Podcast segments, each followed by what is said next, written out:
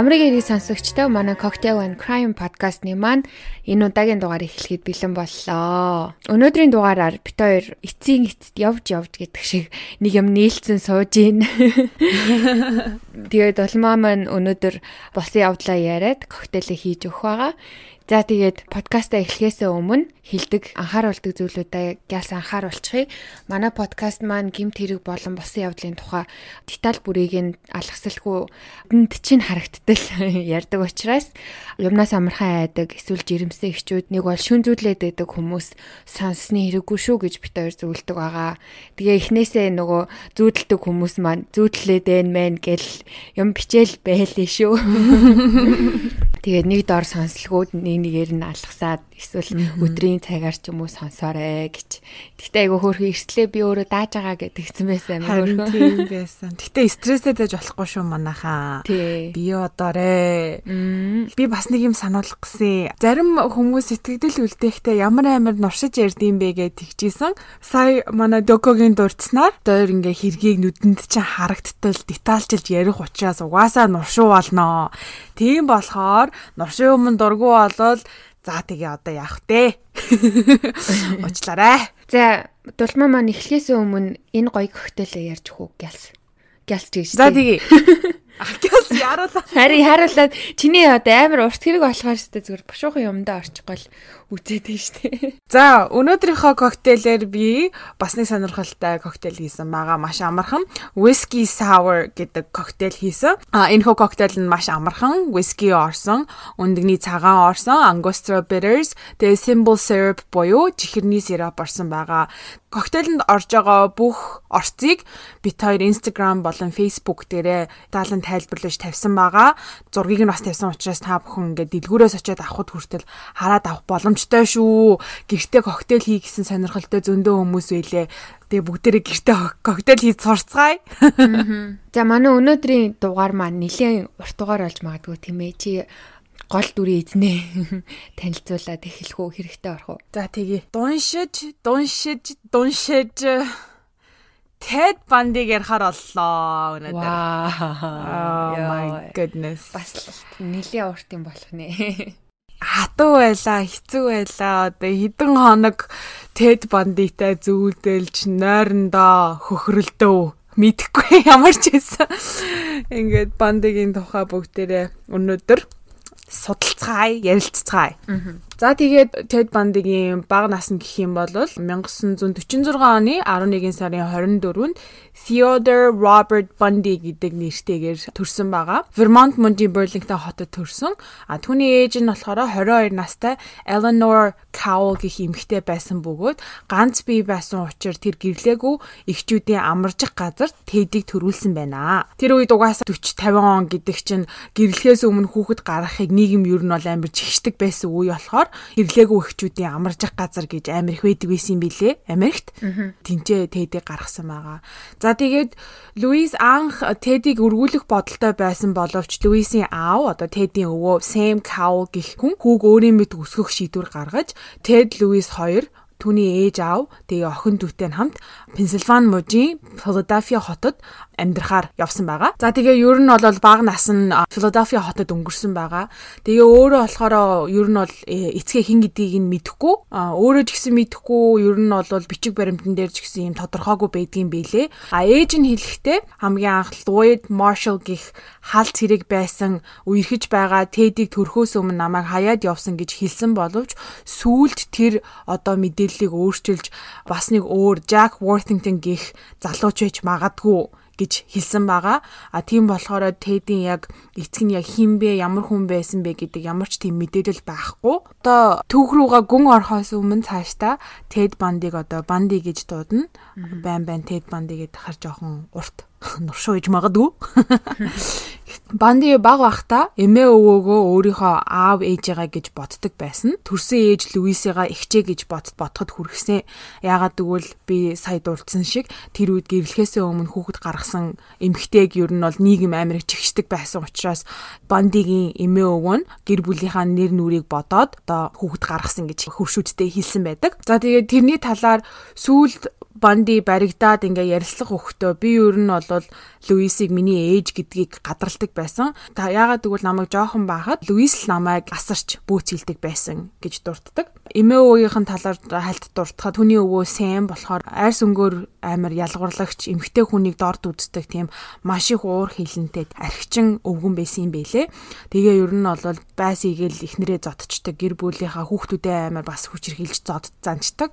Аа гэртээ нэг нохоотой байсан нохоогоо хүртэл авч балбдаг байсан гэдэг жбайгаа байхгүй юу? Яана солиотой. Харин тийм тэгээ сүүлд хэрэг болоод ярьслага өгч байхад Теди өвөөг бүр хөршин манай муурыг бас ингэ зодж исэн гэж байгаа байхгүй тэр өвөө нь бүр тийм амар архичин амар ахс ер нь бол хүчрхийлэгч хүн байсан юм бэлээ. А түүний эмээ болохоор амар олон жил сэтгэл санааны гутралд орсон. Ер нь бол гэрээсээ гардаггүй баг өрөөнөөсөө ч гарч орноосоо ч босдоггүй хүн байсан гэж байгаа.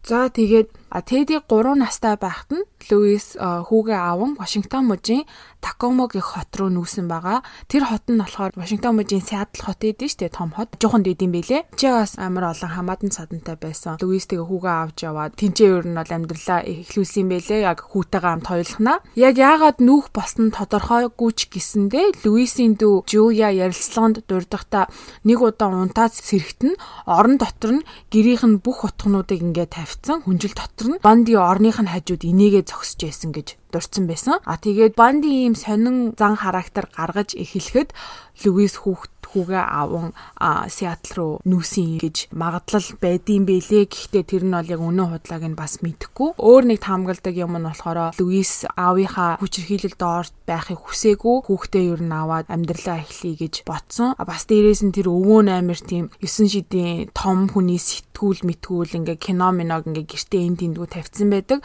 Тэгин гут нь банди тэрийг нь олж үзээд ингээд ерөөсө жоохон буруу үйлгэр дуурал болоод байна гэдэг утгаараа Луис хүүхдээ аваад нүүсэн гэж бас нэг тийм таамаглал байдаг юм бэлээ. За тэгээд Луис Такомо хот руу нүүсний дараа удалгүй Johnny Bundy гих маш илдэг найрсаг залуутай танилцаж жилийн дотор гэр бүл гэр бүл болсон байдаг. А тэгээд Teddy ер нь бол овог нэр нь Cawl байсан. Johnny-тай сууснаас хойш Bundy гэдэг нэрийг өвлөн авсан байгаа. Нэрээ солиулж хойд авгаараа овгөлж явсан байгаа 1951 оноос хойш. Тэр чинь одоо 4 настайгаас хойш гэсэн. За тэгээд тэр хоёр маш хурдан гэр бүл болоод дөрвөн хүүхэдтэй болсон байгаа. Гэр бүлийн уур амьсгал ер нь бол аз жаргалтай 50 амгалан байдаг байсан. Johnny Bundy маш илдэг найрсаг ханддаг байсан боловч Bundy ерөөсөө тоодоггүй байсан. Ер нь бол ингээд гэр бүлээсээ зайгаа барих дуртай, гэр бүлийн агаар салхинд гараад бүгдээрээ модонд очиод майхнаа барайл сайхан хөдөө гарч мараал ингэнгуут ерөөсөө явах сонирхолгүй. Тэгээ ер нь бол баг багаар өөрөө өөрийгөө гэр бүлээсээ ингээд холдуулж эхэлсэн байдаг байдаг юм бэлээ. Ер нь ганцаардмал гэр бүлийн асуудлын хувьд бол а тэгээ нөгөө нэг Netflix дээр гарсан алуурчтай хийсэн ярилцлага гээд баримтат кино биш үү те.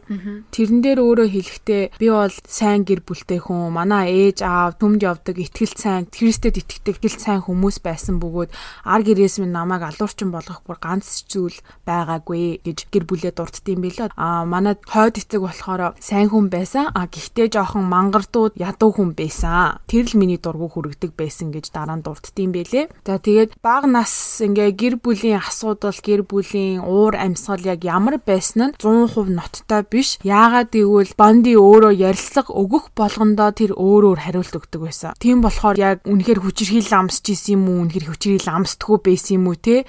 Ерөөсөө тэр нь мэдэгдэдэггүй. Тэгээд бага насныг тиймэрхүү өнгөрч өсвөр насндаа нэг тодтогод байх юм байхгүй сая хэлсэнчлэн ярилцлага өгөх болгондоо өөр өөр мэдээлэл өгдөг байсан болохоор үнэн худлаа нь мэдэхгүй. Тэгээ өөрөө нэг хэлэхдээ би ганцаардмал байсан найз нөхөд юу н байдаггүй.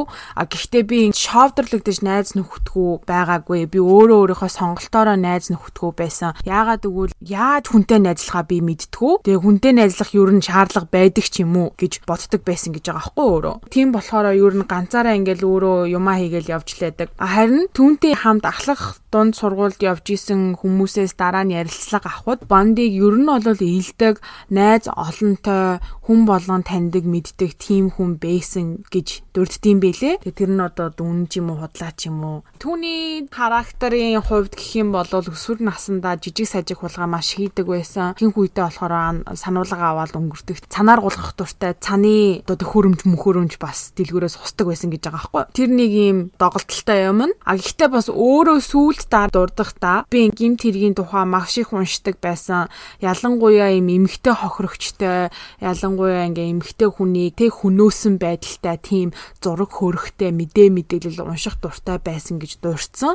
А тэгснээ өөр нэг ярилцлаганд хэлэхдээ би ерөөсөө тийм 9 шидийн уншдаггүй байсан. Комик момик те тийм 9 шидийн зурагтай тийм ном ном ерөөсөн уншдаггүй байсан. Тиймэрхүү юм угаасаа хин л уншиг гэжтэй над чи хүн бол хизээж тэрийг бүр сонирхож дэлгүүрээс худалдаж авахчгүй гэж дурдсан байдаг. А бас өөрний хэлсэн юм нь би заримдаа ин согтууруулах ундаг маш ихээр хэрэглэн хуршүүд шүн дөлөөр хуршүүдийнхаа гэр орны хажуугаар эргэлдэж юм онгорхоо хөшгтэй айлаар өнгөж шалтан нүцгийн эмхтэйг харах гэж оролддог байсан.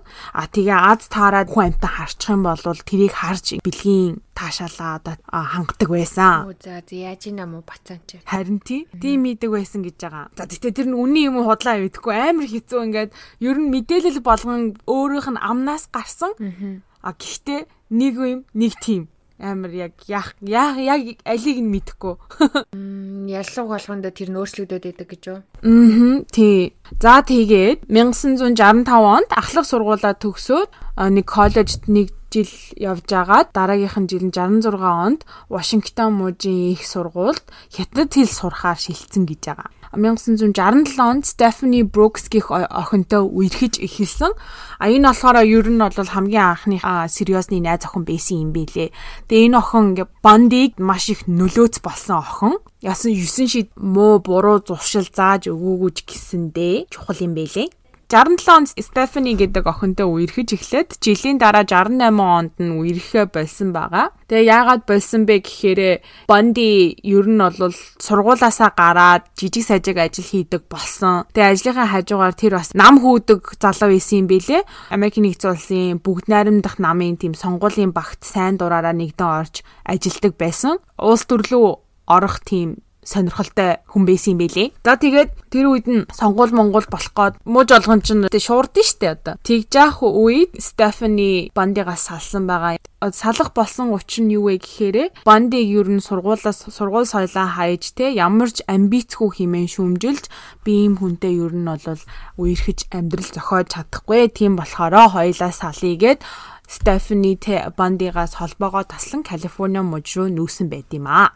Дараа ярилцлаганд хэлэхдээ энэ явдлаас болж Банди ер нь эмгтэй хүнд маш гомдсон итгэл алдарсан гэж дурддаг өөрөө. Би тэр охин нэг маш сайн байдал тэр намайг чи бол хинч биш ингээ ямар ч ирээдүгөө бараг ер нь бол хогийн новшгэ хайлаа. Өөр тийм сэтгэл үлдээсэн байд юм билэ. Ер нь бол сэтгэл зүйчнаар үзэхдээ тэр гомдлоосоо болж тэд эмгтэй хүнийг ер нь хүчрхийлэх болсон магадлал маш өндөртэй гэдэг. Ер нь зүгээр энгийн хүн ботсон ч гэсэндээ тэгж бодохоор байгаа. Аа зүрхээ шархлуулангуйтаа. Тэр хоёр салаа тийм болсны дараа жилийн дараа 23 настай Ted Bundy маань Elizabeth Kendall гих ганц бие ээж эмэгтэйтэй танилцаж дотн харьцаа үүсгэсэн байгаа.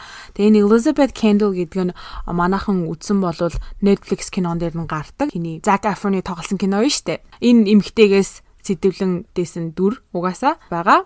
За тэгээд Elizabethтэй үерхэж эхэлснээс хойш тэр ингээд маш фокустой бол буцаад Вашингтон мужийнхаа их сургуульд орж сэтгэл судлалаар сурах болсон psychology. Хичээлдээ маш гарамгаа зүтгэж бүр honor student буюу тийм одоо он сурлагтны жуух бичиг мичиг хүртэл хүлээж авч исэн сургуультай багтлаараа хамгаалж байхдаа бас Seattle хотын Suicide Hotline Crisis Center буюу Seattle хотын ам югүйтгэх хямралын тийм тусламжийн төвд хүртэл ажиллаж байсан түүнийг бас тийм нийгмийн идэвхтэй нийгэм мэт харагдуулсан. За тэгээд 1972 онд их сургуулаа төгссөний дараа мань хүн бүгд найрамдах намаас ерөнхий сайдын суудалд нэр дэвшигч Daniel Evans-ийн сонгуулийн төв хороонд идэвхтэй ажиллаж эхэлсэн байгаа. За тэгээ бүр яагаад ингэж энэ улс төрд орсныг нь бас дурдаад байна вэ гэхээр ирээдүйд өөрт нь амар нөлөөтэй байсан учраас дурдах хэрэгтэй байх гэж бодож байна. Тэгээд сонгуулийн төв хороонд жил ажиллаж байгаа 73 онд Сиатлын хуулийн их сургуульд орсон байгаа. А эсэлтийнхаа шалгалтанд өндөр оноо ууг нь бол авч чадаагүй. Яг ясимаараа тоогоороо ярих юм бол а сургуульд орох боломжгүй байсан юм байлээ. А гítэл өмнө жил сэтгэл зүйтэй сурж байхад те профессорууд нь маш сайнаар үнэлдэг. За бас тэгээ бүр он сурлагтан байсан болохоор профессорудаас авсан бичиг те бас тэгээд намын гişүүдийн нөлөөгөөр сургуульд орч чадсан байдیں۔ За ерөөсөө хуулийн их сургуульд орсон юм чи нөгөө намын ах вэ штэ. Одоо нэр дэвшигч Daniel Evans. За одоо энэ хүүхэд сонгуулийн сурталчилгаанд маш идэвхтэй оролцож байна. Үнэхээр яг миний хүн юм байна гэж ботсон гэж байгаа. Тэр үедээ Бандиг бүр Сиатлын гимт хэрэгээс урьдчилсан сэргийлэх зөвлөх хороонд туслах эрхлэгчээр ажил олгосон гэж байгаа. Тэр чинь юу юу ч мэдээгүй ямар залууд те тийм одоо том мест өгнө гэдэг чинь одоо сайн санагцсан. Бас ариа алга гэж бас байна. Тэгээ миний бодлоор болохоор одоо эн чинь бүр Сиатлын гимт хэрэгээс урьдчилсан сэргийлэх хороо гэхээр чинь бас амар том мистэн дээр ажилласан нь ирээдүйд тэр хийсэн гимт хэрэгээ яаж нуун дарагдуулах болон цагдаа сэргийлэх юунд анхаардаггүй юунд анхаардаг болохыг түнд хэлсэн байх гэж би юу нь бол бодсон. За тэгээд ер нь бол амьдрал нь дээшлээд мундаг ажилтай хуулаа сурч эхэлсэн байдгийн. А тэгээд 73 оныхоо 100 Калифорни мужид намын ажиллаар явж байхдаа Стефанитэй холбоо барьсан гэж байгаа өөрөө нөгөө хаяад явсан найз охинтойгоо. Тэгээд холбоо бариа тэр хоёр уулзсан. Стефани түүнийг маш мундаг сайхан залуу болсныг нь бүр ингээ магттал. Банди хоёлоо буцаад нийлээ гэхтэн Стефани дуртаяа саналыг хүлээж авч тэр хоёр амргийн холбоо тогтоосон байдаг юм аа. За тэгээд тэр 73 онд Элизабеттэй юу үерхсэн хിവэрэл байгаа. Тиймээс гайхаа нөгөөч яасан юм бол Яа бүх ярьж явах явцанд бол Элизабетний амир дурддаггүй ч гэсэндээ холбоотой гүн гүнзгий харьцаа холбоотой байсан юм билэ. Элизабет болохоор Стефанигийн тухай мэдхгүй, Стефани болохоор Элизабетийн тухай мэдхгүй. Тэгээ хоёулантай зэрэг болцож исэн. Тэгээд Угаасаа Стефани чин Калифорниа мужид, Elizabeth чин Вашингтон мужид байсан болохоор хоёр мужийн хооронд амар их явдаг. За тэгээд Стефанитэй гэрлэлтэд батлуулна гэх хүртэл ярьж тэр 73 оныхаа 100 сарын баяраар Стефани хүмүүст бүр сүйт хүсгүүгээ химээ хүртэл танилцуулж исэн. Гэтэл 1974 оны 1 сард гинт Стефанитай холбоогоо тасалсан. Тэгээ Стефани байхад бараг сар гарам холбоо тогтоож чадахгүй хүүе хаа ижижүүд яач вэ ээч үү гэд бүр хойноос нь чаргууцалдаж чаргууцалдаж байжгаад бандитай холбоо бариад юу болсныг асуухад банди өөдөөс нь маш тайвнаар Стефани би чиний юу яриад байгааг чинь ойлгохгүй байна гэж хэлээд уцаа тасалсан байт юм нэг осондоо би бодсон тэр эмхтэйгээс хариугаа авсан юм шиг санагдсан. Тэгээ дахиж хизээж Стефанитэй холбоо бариагүй. За тэгээ дараа нь Бандигаас яагаад ийм үйлдэл хийх болсныг бас асуухад хэлэхдээ түүнтэй гэрэлж чадах байсан гэдгээ би өөрөө өөртөө л үзүүлэх гэсэн юм би Стефани хийсэн шиг би хог шар биш гэдгээ би өөрөө өөртөө батлах гэж тийм үйлдэл хийсэн. Тийм ер нь жоохон шаартай амир зөвүүн залуу байсан юм байна лээ. За тэгээд гол юмдаа орцгоё. Гимт хэргийн эхлэл. Мань хүн 28 настай байсан. 1974 оноос эхлэн ер нь бол Америкийн баруун хойд зүгээс охтууд нэг нэгээрээ алга болж эхэлсэн. Алга болж исэн охтууд болохоор 15-аас 25 насны охтууд, залуу охтууд ихэнх их сургуульд явдаг оюутан охтууд байсан. За тэгээд 1974 оны 1 сарын 4-ний шөнө 18 настай Karen Sparks гих бүсгүйн гэрлүү банди дайрн орж түүнийг орных нь хүрээгээр тархи руу балбаж тэр орны хүрээгээрээ Karen охиныг бэлгийн хүчирхийлэлд оруулсан байдаг. Охиныг олоход арайчуу амьсгалж байсан бөгөөд 10 хоног комонд орж сэрсэн боловч сэрэгтээ юу болсон, өөрт нь юу тохиолдсон бүр ямар ч ой санамжгүй сэрсэн. Тэгээ амьд гарсан боловч насаараа тархины болон бие мах бодийн согогтой үлдсэн. Тэд бандыгийн хамгийн анхны халдлага За 1 сарын 4-нд нь тийм боллоо. 2 сарын 1-нд нь Linda Healy гих охин алга болсон. Цүүлд бандигаас асуухад тэр охиныг хүчрхийлэн хөнөөсөн гэдгээ илчилсэн байдаг. Энэ нь болохоор түүний анхны хүн амны хэрэг. Одоо ингээд 1 сарын зайтай 2 дайрчлаа шүү дээ. За баригдтлаа ер нь бол сард нэг гих хэмнэлтэйгээр бүсгүйчүүдийг хөнөөсөн байдаг. Тэр оныхоо 3 сарын 12-нд 19 настай Donna Manson, 4 сарын 17-нд Susan Rancourt, 5 сарын 6-нд Roberta Kathleen, 6 сарын 11-нд Georgianne Hawkins гих мэтээр охтуудыг хөнөөсөн байгаа. Охтуудын алга болсон газруудад ямар ч бит нотлох баримт үлдээгүй байсан учраас хин ингээ хийгээд байна, ямар хүн ингээ хийгээд байна гэж таамаглах боломжгүй байсан. Чин тэрнийх нь хүмүүсээс мэдүүл мэдлэг авахд тэдний хэлсэн юм нь болохоор хэдэн хоногийн өмнө Volkswagen брендийн Beetle буюу цох маркийн машинтай гар нь хугарсан бололтой тэгээ шохоодуулж гипс зүүсэн залуу хүмүүсээс машин руу минь юм орол оруулахад туслаач гэж асуу асууж байсныг дурдсан. А түүнээс өөр ямар ч мэдээлэл болон баримт байгаагүй. Нөгөөний цохорхоо шиг жижиг машин байдаг уу? Тийм тийм. Beetle гээд Facebook, Instagram дээр зургийг тавьчихин машины. За тэгээд сүүлд хэрэгээ илчлэхдээ Bondi 6 сарын 11-нд алга болсон Georgian Hawkins бүсгүйг толгоор нь цохин машиндаа оруулан хотоос хагас цагийн зайтай байх газар руу авч яван түүний хүчрхийлэн хөнөөснөө хэлсэн. Тэгээд түүнийг хөнөөсний дараа Bondi-гийн нэг мэдсэн юм нь болохоор Georgian охины нэг өрөөсөн гутал нь байхгүй, зүүжисэн эмэг нь байхгүй байсан гэж байгаа. Тийм болохоор түүний хөнөөсний дараагийн өглөө нь бүсгүйг хулгайлан газаа буцаж очиж бүсгүйн эмэг болон өрөөсөн гутлыг нь олж авсан. Тэр нь ингээд alleyway гэдэг чинь жижигхэн гудам. Тэр гудам дотроос авсан гэж байгаа. Тэр үед нь тэр гутал эмгийг очиж авахд цагдаа нар аль хизинээ ирчихсэн мөрдлөг хийж байсан гэж байгаа байхгүй юу. Тэгсэн мөртлөө бондыг юусоо хинч олж харааг, анзаарч харааг. Дараа нь бас хэлэхдээ тэр охины цогцсдоор 3 удаа очсноо дурцаад өмнө нь ирж исэн necrophilia цогцтой бэлгийн хайрцаанд орсон гэж байгаа байхгүй юу. Тэгээд хамгийн балерин заяо яг энэ үед банди гинт хэрэгээс уртчилсан сэргийлэх хороонд ийм эрхлэгчийн туслахаар ажиллаа зогсохгүйгээр тэр үед алга болсон бүсгүйчүүдийг хайхад тусалж байсан улсын онцгой байдлын хилтэст бүр сайн дураараа ажиллаж байсан гэж байгаа. Өөрөө алаад хятад яваад ээжиж хүмүүсийн хажууд нэг л их нийгмийн итгэвтэн бол царай гаргаж ажилдаг байсан гэж. За тэгээд алга болсон 5 эмэгтэй хүчирхийлүүлж хохирсон нэг эмэгтэйн талаар улс орон даяараа шуугж мэдээ мэдээ хэлээр сэрэмжлүүлж цацагдж эхэлсэн боловч мөрдөнгийн багийнхан гинт хэрэгтний талаарх ямар ч мэдээлэл өгч чадаагүй одоо хөвлийн багварл хийгээл цагдаа нар чинь хэлдэж штэ. Ийм юм хүмүүс ингээ ингээ яваад байна ийм юм болчих шүү гэд. Гэтэл бандигийн талаар ямар ч мэдээлэл байгаагүй болохоор бүр юу ч хийж чадаагүй зүгээр хэлсэн юм. Ийм насны охтуудыг шүн хулгаалаад байх шиг байна. Тийм болохоор та нар ингээ сэрэмжтэй байгаарай л гэдэг юм хэлсэн байгаа. За тэгээд хамгийн сүүлд 6 сарын 11-нд охиныг хөнөөлөө. Тэгснэ 7 сарын 14-нд нь яг нэг сарын сарын дараа бас мөрдөгч нарыг бас ингээ маш гайхруулсан үйлдэл бандыг гаргасан нь Сиатлаас 30 км-ийн зайтай орших Самамеш гих нууран дээр амар том тийм парк байгаа хгүй юу. Тэр паркаас хоёр эмэгтэй гэгэн цагаан өдрөөр хулгайлсан байдیں۔ Тэр үеийнх нь ингээ бичлэгийг нь харахаар маш олон хүмүүс нуур руу ороод сэлж идэв тэнцээд мах шарж гин волейбол тоглож гин тийм амар олон хүмүүсийн нүдэн дээр хоёр эмэгтэйг хулгайлсан байгаа байхгүй юу. Тэгээд тэр өдөр хоёр охины эмэгтэйг алга болсны дараа цагдаа нар ирж мэдүүлэг авч байхаа тэр өдөр Бондитэй таван ингээд найзууд хамт явж байгаа таарлсан байд юм билэ. Хин Бондигийнх нэртэй Канад юм уу эсвэл нэг юм англи аялахтай тийм гараа гипссэн залуу машинаас минь заваа буулгахад нь туслаач хэмээн тусламж хүссэн байдаг. А тэр таван эмэгтэйгээс нэг нь зөвшөөрсөн боловч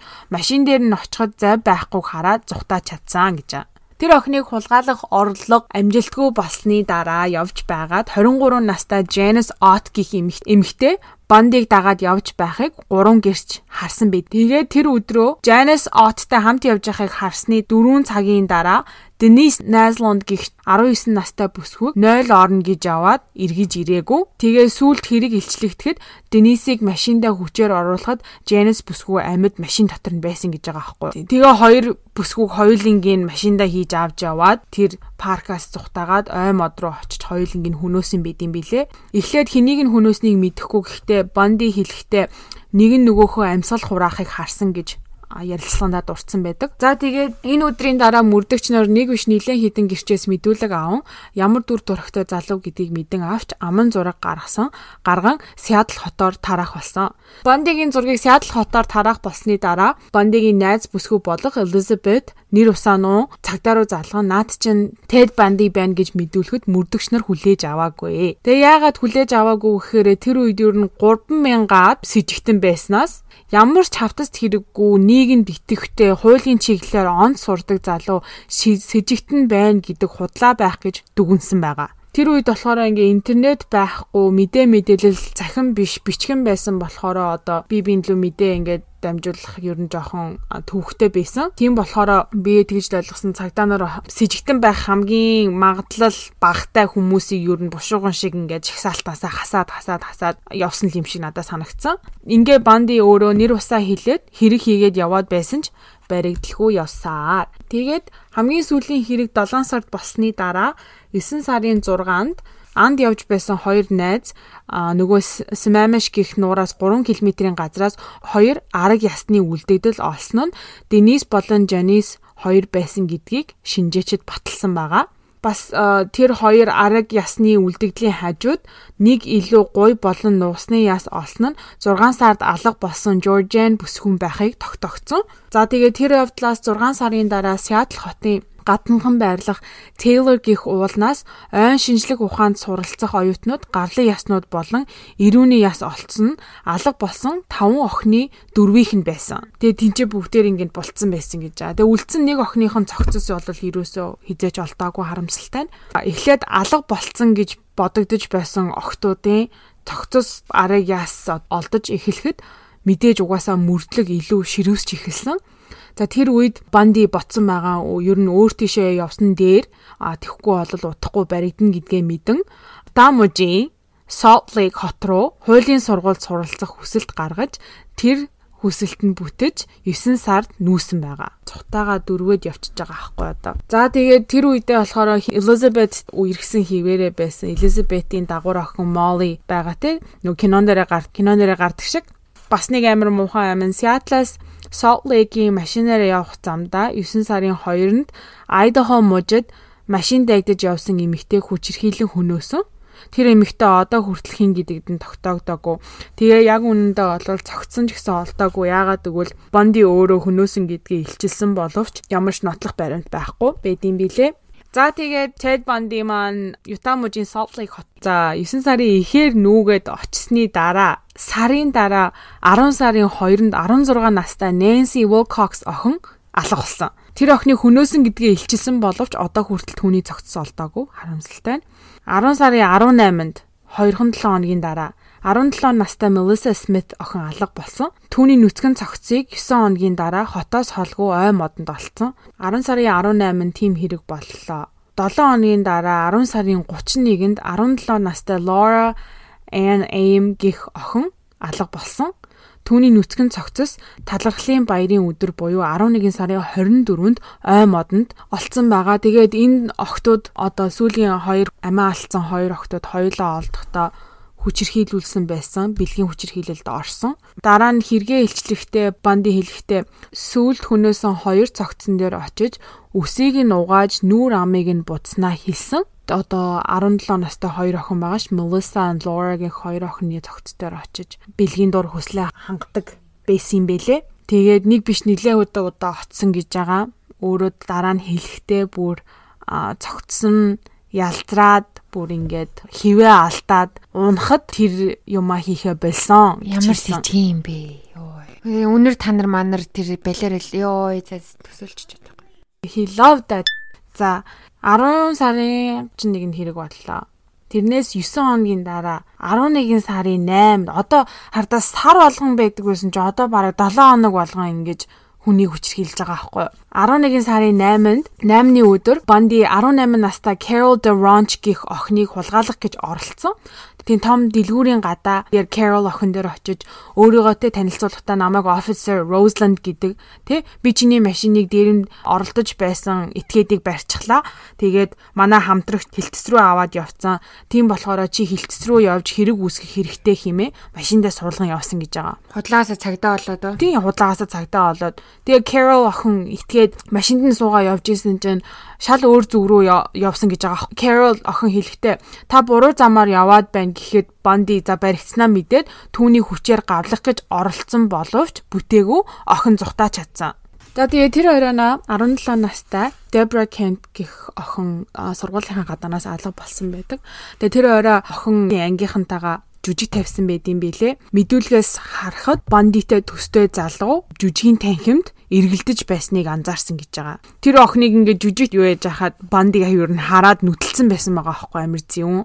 За тэгээд 11 сард Elizabeth-ийн найз эмэгтэй Salt Lake хотоос ирдэг буцаад нөгөө Euro Washington Seattle руу тэр найз нь эрэхтэй Elizabeth-д Salt Lake Utah-д ингээд бас ор сураггүй алга болоод эхэлсэн. Сүүлийн 3 сар 4 5 охтууд алга болчихлоо. Заримийнх нь цогцсон ингээ олдсон.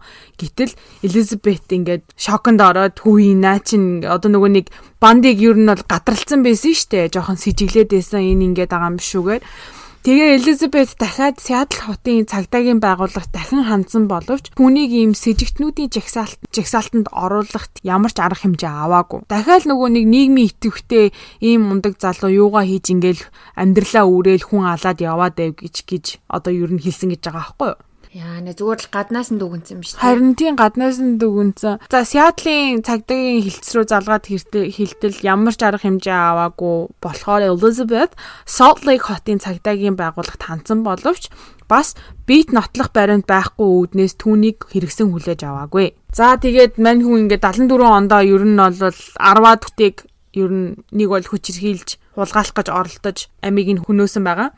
75 он боллоо. За тэгээд нөгөө Salt Lake Hot бас ингээд те октод алга болоод байна. Цогцос олдлоо, молдлоо гэж шуураад эхлэнгуут нь за ер нь бол өөр газар очиж хэрэгээ үйлдэхгүй бол бас л цагдаа нар надтай ойртой байна гэд Банди дам мужийн уулархах хэсэг рүү явж эхэлсэн гэж байгаа. Чи одоо нэг уул уул хадаар явж байхаар нэг жижигэн жижигэн тосгон мосгон харагддээ штэ те. Тиймэрхүү газараар ер нь тэнүүчилж эхэлсэн. 75 оны 1 сарын 12-нд 23 настай Karen Campbell гэх эмэгтэй Utah мужийн Snowmass гэх тосгонд байрлах Wildwood Inn хотелоос алга болсон. Алга болох болохтой бүр ийм гэрэлтэй коридороос алга болсон гэж байгаа. Сарын дараа түүний нүцгэн цогцос resort-ийн хажууханд олцсон гэж байгаа. 3 сарын 15-нд Julie Cunningham гэх эмэгтэй 4 сарын 6-нд Denise Oliverson гэх эмэгтэй 5 сарын 6-нд 12 нас 12 настай Lunet Culver гэх охин алга болсон байгаа. 5 сарын 6-нд 12 настай охиныг тулгайлж хүчирхийлж хөнөөчөөд 7 хоногийн дараа нөгөө улсын онцгой байдлын хилтэст ажиллах ажиллаж байхдаа танилцсан Carol Ann Boone гэх эмэгтэй түүн дээр зочилж ирсэн байдаг. За яагаад энэ эмэгтэйг бас тодотгон ярьж байгаа юм бэ гэхээр Elizabeth-ийн араа нэгдүгээрт уулздаг байсан энэ эмэгтэйтэй Хоёрдугаарт энэ эмэгтэй шорон дахт нь очиж уулзаж бас гэрлэлтэд батлуулж охиныг нь гаргасан эмэгтэй. Тэгж охины 12 настай охины ямиг хүнээсний 7 хоногийн дараа Carol ирж түн дээр цочилж хит хонсон байдгийн бэ нлээ. За тэгээ ер нь бол Elizabethтэй болцож байхын хажуугаар нэг биш нилээн бүсгүүчүүдтэй явсан байдаг. Тэгээд хэрэг үйлдэж байхдаа байнга Elizabeth Molly хоёр дээр очиж зочилдог байсан. Хин Elizabeth ч гэсэндээ өөрөө ирдэг байсан гэж байгаа байхгүй юу? 75 оны 6 сард Elizabeth дээр очихдоо бүр түүнтэй гэрлэлтэд батлуулна хэмээн ярьж хоёлоо одоо ер нь амьдралаа ингээд шийдээ те хоёлоо сериасны болгоё гэж дурдсан байт юм бэлээ.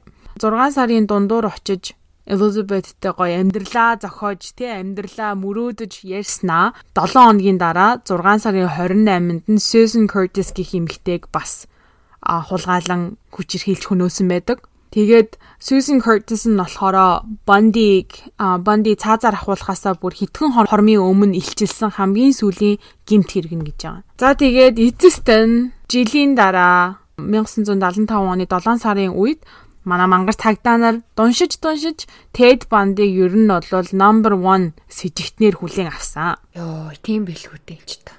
Хамгийн бол ингээд Elizabeth хилээд байдаг, хүмүүс бас хилээд байдаг. Өөрөө хүмүүс одоо тий хүн амьтанд өөрийгөө танилцуулахдаа хүртэл би Ted байна, намайг Ted гэдэг би гараа хугалцсан надад туслаач гэж яхад ерөөсөө хүлээж аваагүй мөртлөө яагаад хүлээж авсан бэ гэхээр тэр үед шинжлэх ухаан хөгжөөгүй, ДНК хөгжөөгүй, компьютер байгааг факс машин дөнгөж оффистууд офисуудад ингэж танилцуулж исэн үе. Маш олон сэжигтэн тэгээ маш олон маш их мэдээллийг шүүхэд маш бэрхшээлтэй байсан бөгөөд цагдаа нар аргаан бариад цагдаагийнхаа хилцэн санхүүгийн хилтэсдэх заа юу цалинд хоцдог компьютерийг компьютер шиг юм том машиныг ашиглан сэжигтнийг бүртгэж эхэлсэн гэж байгаа. Аа. За тэгээд нөгөө нэг 3000-аад сэжигтэн байсан гэд гисэн штэ. Хамгийн анх тээжиг царайтай, тээжиг өндөртэй, тээжиг үстэй, тийм ижилхэн машинтай тийм хүмүүсийг 3000-аас хайж хайж хайжагаад топ 100 гаргая тэр жигсаалтнаас одоо ингээд төрөл төрлийн асуулт асууж байгаа шүү. Гимт хэрэгтэн хохирогч нарыг таньдаг байсан уу? Хоорондоо энэ хохирогч нар найзууд байсан уу? Хідэн Ted эсвэл Theodore гэдэг нэртэй хүн Volkswagen цох маркийн машинтай бэ, а хідэн бүртгэгдсэн бэлгийн хүч хилэгч байна гих мэт ийм том том листүүд одоо бүртгэлүүдийг жигсаалтыг гаргаж ирэхэд Тэд дөрвөн жигсаалтанд гарч ирсэн гэж байгаа хамгийн түрүүнд. Дөрвөн тохиолдол гэдэг чинь маш өндөр шүү дээ. Тийм шүү дээ. За тэгээд оо бурхан минь манайхаа бэрэгцэн байдгийм аа 1975 оны 8 сарын 16-нд Salt Lake хотын хажууханд байх Granger хотод баригдсан байдیں۔ Йоо бурхан минь. Яа яаж баригдсан бэ гэхээрээ эргүүл хийж явсан цагтаа түүнийг үүр цайхын алдад орон сууцны хажуугаар ингээд байн байн тойрон явахыг ажигласан байгаа. Дараагийнхаа хохирогчийг хайгаа явж исэн байгаа аахгүй юу. Тэгээд Банди машиныг харангуйтаа шууд зүхтаах гэж оролцсон боловч бүтлгүүтэж баригдсан. За тэгээ цагта түүний машиныг нэгжиж байхад жолоочийн хажуудах юм зорчигчийн суудлыг бүр тэр чигээр салган авч арын суудал дээр тавьсан байсан. Тэгэхээр чи ингээд машин дотор чин жолоочийн хажуудаа маш том зай байна гэсэн үг шүү дээ. Тийм шүү дээ. Тэгээ бодвол тэрүүгээрээ айгүй болвол охтуудыг хүчээр машинд оруулдаг байсан байлгүй. Түүний машин дотроос олцсон сонин сонин хачирхалтай зүйлүүд нь цаны маск одоо тийштэй бүр тэр чигээр нүмсчдэг юм нүдтэй ингээд ам нь гарцсан тийм малгай байдэн штэ. Тийм малгай, торкоогоор хийсэн бас маск юм уу, баг шиг юм заа юу. Тийм хөшүүрэг, гав, хогийн уут, ос ice pick буюу ингээд мүс хагалдаг хэрэгсэл гих мэд зүйл олцсон. Алуурчин гэж мдээгүй цагдаа бодохдоо энэ яг хулгай хийх гээл энэ хаваар эргэлжижсэн байна гэж ботсон гэж байгаа байхгүй. Дээрэм хийх гээл ингээ явж исэн байна гэд. Бонди цагдаа тайлбарлахдаа цаны маск уу би угаасаа цанаар гулгах дуртай, цанаар гулгахтаа хэргэлдэг. Энэ гавыг болохоор би пүнкрээс олсон. А бусад зүйлс нь угаасаа гэр оронд байдаг л зүйл штэ. Тайлбарлах гэж оролцсон боловч тэгэхээр цагдаа түнд итгээгүй Тэгээд ерөөсөө ер нь бол евро хилтэс рүү авч явна гэсэн гэж байгаа. А бас цагдаагийн нэг анзаарсан юм нь болохоор түүний унаж явсан машин нь 74 онд хулгайлах гэж оролцсон Carol the Ranch охин биш үү те. Тэр охины мэдүүлэгтээ маш ижилхэн залуу, маш ижилхэн машин байхыг анзаарсан гэж байгаа. Авж яваад Бандигийн орон сууцыг нэгж юу аваад, эрхийг аваад түүний орон сууцыг нэгжихэд Колорадо мужийн цанын баазуудын ингээ байршлыг заасан газрын зураг байсан бөгөөд нэг сони юм нь нөгөө Wildwood Inn гих resort-ыг дугуулan чеклсэн байдаг. Resort гэдэг чинь нөгөө амралтын газар уу? Амралтын баазыг аюу яц юм шүү дээ. Очно гэж дугуулсан юм байна. Аа. Очно гэж дугуулсан байсан. Тэгээд тэр жилийнх нь нэг сард нь Karen Campbell гэх эмэгтэй тэр resort-оос алга болсон шүү дээ. Аа алга болоод сарын дараа нөгөө нүцгэн цогцсон олддог. Тэгэнгუут чинь хэргүүд ер нь хоорондоо ингээ холбогдож эхэлж байгаа аахгүй. Debra Kent гэх 17 настай охин ахлах сургуулийн охин алга болсон гэсэн шүү дээ. Тэгсэн чинь тэр охины ахлах сургуулийнх нь жүжигийн танилцуулга брошюр хүртэл байсан өрөөнд нь. За хамгийн тэнэгэн заяа иймэрхүү сонин хачин баримт байхад бандыг хорих хангалттай нотлохоо гэж үзээгүй учир суллан явуулсан. Йоо ямар мэдээлэл мөт юм бэ? Цагдаа нар ер нь бол амар хойрог юм аа. Харин тийм ээ. Дараа Бонди хэрэгээ илчлэн хэлэхдээ тэр үед түүний гэрийг нэгжиж байхад цагдаа нар маш чухал юм олж чадаагүй. Тэр нь юу байсан бэ гэхээр Polaroid түргэн зургийн аппаратаар авсан хохирогчдын зургийг зургийн цуглуулгыг олж хараагүй гэдгийг хэлсэн байна. Тэгээд тэр бүсгүүчүүдийг хүчирхийлснийхаа дараа амин хүнөөснийхаа дараа нөгөө хин шиг даамартай адилхан зургийг нь авдаг байсан байгаа байхгүй юу? Тэр олон зургийн цогцлуулгыг нь цагдаа нар олж хараагүй. Хэрвээ тэр үед сайн нэгжлэг хийгээд тэр олон зургууд зургуудыг олчихсан байсан бол хэрэг бол тэр дорол дуусах байсан байх гэж би бодож байна. Юу суллаж явах маах эн чин бүр ёстой нотлохоноос илүү нотлохоо байгаа эдтэй. Тавиад явуулсан байд юм аа. Тэгээ тавиа явуулсан ч гэсэндээ бондыг 24 цагийн хяналтанд тавьж хэргийг хариуцаж авсан мөрдөгч Томпсон Сиэтл руу нисэн Элизабеттэй бичлэн уулзан мэдүүлэг авсан байдаг. Тэгээд Элизабет мэдүүлэхдээ Бандиг та нүхээс жилийн өмнө сонио хачирхалтай зүйлс түүний герт болон Бандигийн герт байдаг байсныг нь ярьсан. А тэр нь юу байсан бэ гэхээр Бандигийн гэрт нь ийм суг таяг, гипсний шохоо болон хэрэгэлдэггүй заа зуур, үзлэгийн бээли, уут дүрэн эмхтэй хүний хувцас болон дотор хувцас байдаг байсан. Бас хэлэхдээ Банди ер нь өрийг өрөөр дарж амьдардаг байсан бөгөөд гэрт нь байх үнэтэй цайтай зүйлс нь ихэнхэн дандаа хулгайн замаар орж ирсэн гэж хэлсэн. Элизабет нэг удаа Бандиг чи яага ингээ хулгай зэлгийг хийж байгааг асуухад банди хэлэхдээ олон юм яривал хүзүүгч нь хугалчихсан шүү гэж сүрдүүлсэн байдсан бэлээ. Тэгээ бас нэг юм хин Elizabeth Bundy хоёр хоёулаа ижилхэн машинтай байсан Volkswagen бренди цох маркийн машин ундаг байсан хоёулаа. Тэгээ Elizabeth-ийн машиныг байнга сольж барьдаг байсан гэж байгаа байхгүй бас. Тэгээд нөгөө нэг урд нь хиний бандигийн барьж исэн машиныг хүмүүс хараад мэдүүлэг өгсөн боловч бас юу яадаг байсан болоо гэж бодсон. Машиныхын дугаар нь зүрдэг байсан ч юм билүү. Тэгээд хайхардгүй байсан болоо. Яагаад гэвэл бас Элизабетийн машиныг барьсан чи явсан юм билүү гэж би дараа нь бодсон. Тэгээд дараа нь баримтат кино үзэж байхад тэр үед цох гэдэг машин чинь маш модонд орж исэн. Тэгээ модонд ороод Вашингтон мужид гэхэд л 42 мянган ширхэг цох машины машин байсан гэж байгаа. Одоо нөгөө үсэн дундаас зүг болно гэдэг шиг юм болно нийтдээ. За тэгээд Банди суллагдаагаараа явсан ч гэсэндээ цагдаагийн хяналтанд байсаар байсан. Тэгээ 1975 оны 9 сард Банди өөрийнхөө машиныг зарсан байгаа. Тэр зарсныг нь Ютагийн мөрдөгч нар хураан авч дэлгэрэнгүй шинжилгээ хийсэн.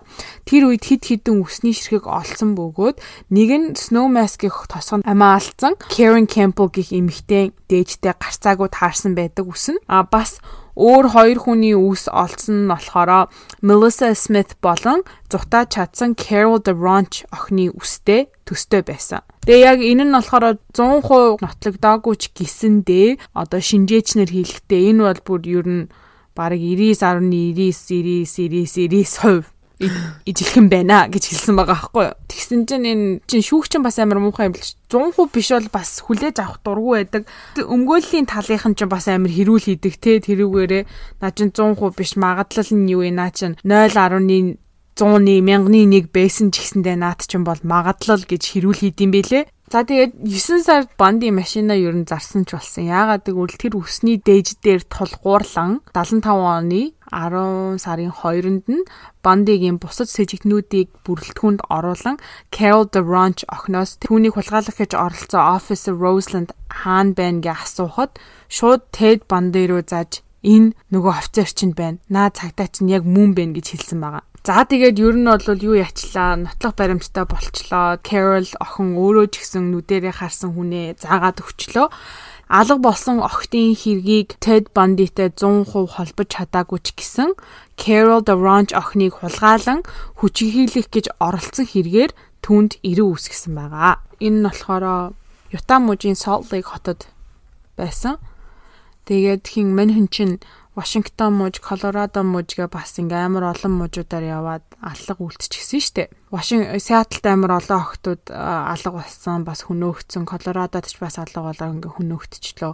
Тэр оныхоо 75 оны 11 сард нь Колорадо мужийн Aspen хотод Тед Бандигийн хэргийг хүлээж авсан гурван үндсэн тийм ахлах мөрдөгчөөр толгойлуулсан 30-аад цагтаа сэргийлэгч мөрдөн байцаагч нарын тийм уулзалт болсон байдсан бэлээ. Тэгээд тэр 30 эдэн прокурор мөрдөн байцаагч нь 5 өөр мужаас ирсэн гэж байгаа байхгүй юу. Тэгээ яагаад уулцсан бэ гэхээр манай мужуудаар маш олон аллага боллоо. Маш олон охтууд алтан амаа алдлаа. Бүгдээрээ нийлээд тал талаасаа олж авсан баримт мэдээллүүдийг тулган үзэж ярилцсны эцэст Ted Bundy үнэхээр алуурчин юм байна. Одоо бүгдээрээ илүү бит баримтыг олох хэрэгтэй гэсэн шийдэлд хүрсэн би бүр ой my god хайшин юм бэ тал талаас чинь нэг нэгээр нь хиллээ тэгснэ хайшин би бинтэйгээ уулзаж би бинийхээ царайг харж итгэсэн юм уу хайшин. Харуугаас тэр үед цагдаа нар тэгэж ажилдаг байсан юм биш үү? Хоёлынгийн урд урдны дугаар дээр бас ер нь тиймэрхүү байсан штэ.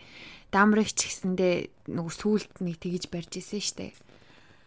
Тэгээ цагдаа нар нөгөө хоорондоо холбоогүй мууж муужаараа тустай ажилдаг байсан л харагдаж байгаа хэл та. Тэгээ техник технологи хөгжөөгүй. Би бин рүүгээ шууд ячиж болохгүй мэдээлэл дамжуулахад амар хэцүү. Айгуу чинчаал гэж хэллээ би. Өөрийнхөө битсэн юмн дээр нь бүр хаалтан дотор OMG finally гэж битсэн байвал яах вэ? Йой. Судалгаа хийжсэн долмаа бүр уулга алдсан байх. Харин би зөндөө уулга алдсан ёо.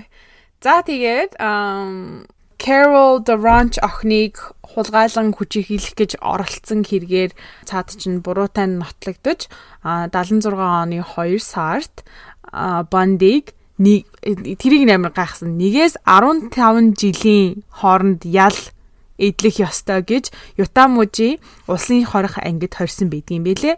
1-ээс 15 жил гэдгээ бичсэн байсан мөртлөө яг юм тод мэдээлэл байхгүй байсан. Тэгээ би зүгээр дараа нь ингээд бичсэн одоо ярьсан юмнуудыг нь хараад зүгээр өөрөө зүгээр дотроо тоо бодоод үзэхэд ер нь бол нэг 3 жилийн ял өгсөн юм шиг байлээ. За тэгээд хэрэгэ хүлээх гэж, ялаа эдлэх гэж Ютамужийн улсын хорхон ангид орсон байгаа.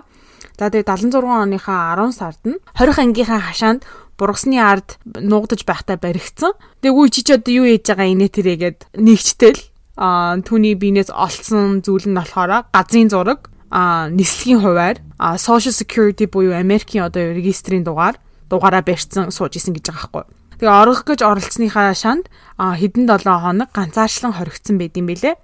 Тэгээд Ted Bundy Karen Campbell-ийн үхэлд буруутай гэсэн шийдвэр гаргахад Ted эсэргүүцсэн бөгөөд Колорадо мужийн муж руу шилжүүлэн өгөх хүсэлт гаргаж түүнийг а Aspen хот дох 20 анги руу шилжүүлсэн байгаа. А яагаад энэ муж руу шилжүүлэн өгөөч гэсэн хүсэлт гаргасан бэ гэхээр ганцаарчлан хоригдсан байсан. Тэгээ ганцаарчлан хоригдохгүй төлөө өөр наад хэрэг чин Колорадо мужид болсон хэрэг намайг тентгийн шүүхээр шүү гэж хүсэлт гаргаж өөрийгөө шилжүүлсэн гэж байгаа. Би болохоор Бутагийн хуулийг давахгүй болоод ирэхээр бас Колорадо муж руу шилжүүлэх хүсэл гаргасан байхаа л. Энд чинь бас өөрөө хуулийн мэдлэгтэй хүн штэ. Дараа жилийнхаа 77 оны 6 сарын 7-нд Carol Campbell бүсгүйг хөнөөсөн үгийг батлах шүүх хурал болсон байдгийн. Тэр үед Ted өөрөө хуулийн мэдлэгтэй учраас би өөрөө өөрийгөө өмгөөлөх хүсэл гаргасан. Аа тэгээд би тэгж л ойлгосон. Бараг бүх Америкийн бүх мужууд өөрөө хүсэх юм бол ямар ч хүн өөрөө өөрийгөө өмгөөлөх хэрэгтэй байдаг. Аа галзуу мэдрэл солиотой биш л бол тий. Өмгөөлөгч хооронд өөрөө өөрийгөө өмгөөлөө тий. Тий. Тэгээд Банди өөрөө өөрөө хуулийн мэдлэгтэй байсан болохоор өөрийгөө өмгөөлөх хүсэлт гаргасан. А тэгээ өөрийгөө өмгөөлж байсан учраас түүнийг юусоо гавлаагүй. Яагаад үл өмгөөлөгч чинь ингээл урдуур явж маваал ингээл шүүх хурал дээр яриад асууж масуугаал тэгдэж штэ. Тийм болохоор ерөөсөө гавлаагүй. За тэгээ завсарлагын дундуур шүүх танхимын номын санг ашиглах хүсэлт тавьсан. А би өөрийнхөө хэргийн тухай басны ганц хоёр хуулийн юм харах гэсэн юм а гэд номын санд орсон байдیں۔ Тэр үед харгалзагч нар анхаарал сарних далмаар хоёр давхрын цонхоор өсрөн зугцсан байдгийм бэлээ. Нөө кинон дээрээ гардыг штэ гараа гүчдэг. Тий цонхоор өсөрчдөг шүү дээ. Тийм, цонхоор шууд гүгөөд өсөрчдөг. Тэгээд газар дахтаа шагаагаа булгалсан. За тэгээд 6 сарын 7-нд зүхтааж аваад дараагийнх дараагийн 6 хоногийн турш тэрбээр уул мод хаваар нуугдан явж айлаас хоолунд хувц хунар хулгай хийж ам зогоож байсан боловч удалгүй баригдсан байдаг. За тэгээд мань хүн буцаад 20 ангитаа ирлээ. Түүний найз нөхөд болон хуулийн зөвлөх нь чи ер нь томоотой бэ. Ер нь бол чиний эсрэг баримт нотлохоо маш бага байна. Хэрвээ чи томоотой байжгаад Carol the Ranch охиныг тэ хулгайлах гэж оролцсон гэх ялаа эдэлчих юм бол чи ер нь гарах магадлалтай гэж хэлсэн байгаа байхгүй юу? гэж хэлсэн боловч Ted Bundy өрөмний үчиг байж зүгээр сууж чадаагүй. Тэгээд Төд удалгүй шинэ оргох төлөвлөгөөгөө боловсруулж 6 сарын турш баг багаар бэлэн мөнгө цуглуулж 500 доллар болгон а 500 доллар төмрийн хөрөө 20 ангийн дэлгэрэнгүй зураглалыг цуглуулсан байдаг. А сүүлд энэ зүйлүүдийг яаж цуглуулсныг асуухад Carol Ann Boone авчирч өгсөн гэж хэлсэн байдсан билээ. Орой шүшүүрд орох цагаар Банди камертаа хоцорч ганцаараа үлдэн оргох төлөлгөөгөө улам боловсруулдаг байсан. А түүний байсан 20 өрөө нь болохоор таазан дээрээ ийм жижигхэн агааржуулагчийн нүхтэй байсан юм бэлээ. Тэгээ тэр агааржуулагчи агааржуулах нүхнийх нь хэмжээ нь болохоор 930 см квадрат Тэр ч одоо маш жижиг юм штэ. А тэгтээ бас юу яач магадгүй оргох магадлалтай одоо шорондоо хүмүүс чинь яаж иж байгаа орсон бэлээ бас яаж иж байгаа гарчиж магадгүй те. Тийм үднээс тэр нүхнийх нь өмнө ийм сараалжин төмрөөр хаасан байдаг байсан. А гэхдээ хин Тед Банди орой болгон орой болгон нөгөө төмрийнхөө хөрөөгөөр баг багаар хөрөөддөг байсан гэж байгаа байхгүй. Оо ятраа. 6 сарын турш тэрийг хөрөөцсөн. Тэгээд одоо нөгөө нэг гинт нөгөө камерт орж ирэл нэгжлэг хийдэж штэ харгалзагч нар. Тий. Тих үед яаж харагдахгүй одоо тий энэ ингээд төмөр одоо сас нь харагдчих чи таазан дээр байгаа юм чинь. Яаж тэрийг хаалхалж нуудаг байсан бэ гэхээр савн савнг ингээ жоохон устаа холж байгаа цавуу мэт хэргэлдэг байсан гэж байгаа байхгүй биеийнхаа савнг. А тэгээд 6 сарын турш оргох төлөлгөөгөө боловсруулсны эцэст 77 оны 12 сарын 30-нд ихэнх харгалзагч нар нөгөө 100 сарын баяр тэгээ бас шинэ оны баяр гээд бүгдээрээ амарчсан байсан үед агааржуулагчийн нүхээр оргож ахлах харгалзагчийн өрөөнд ороод түүний уцыг өмсөж хорих ангийн урд хаалгаар хээ нэггүй алхан оргосон байд юм бэлээ.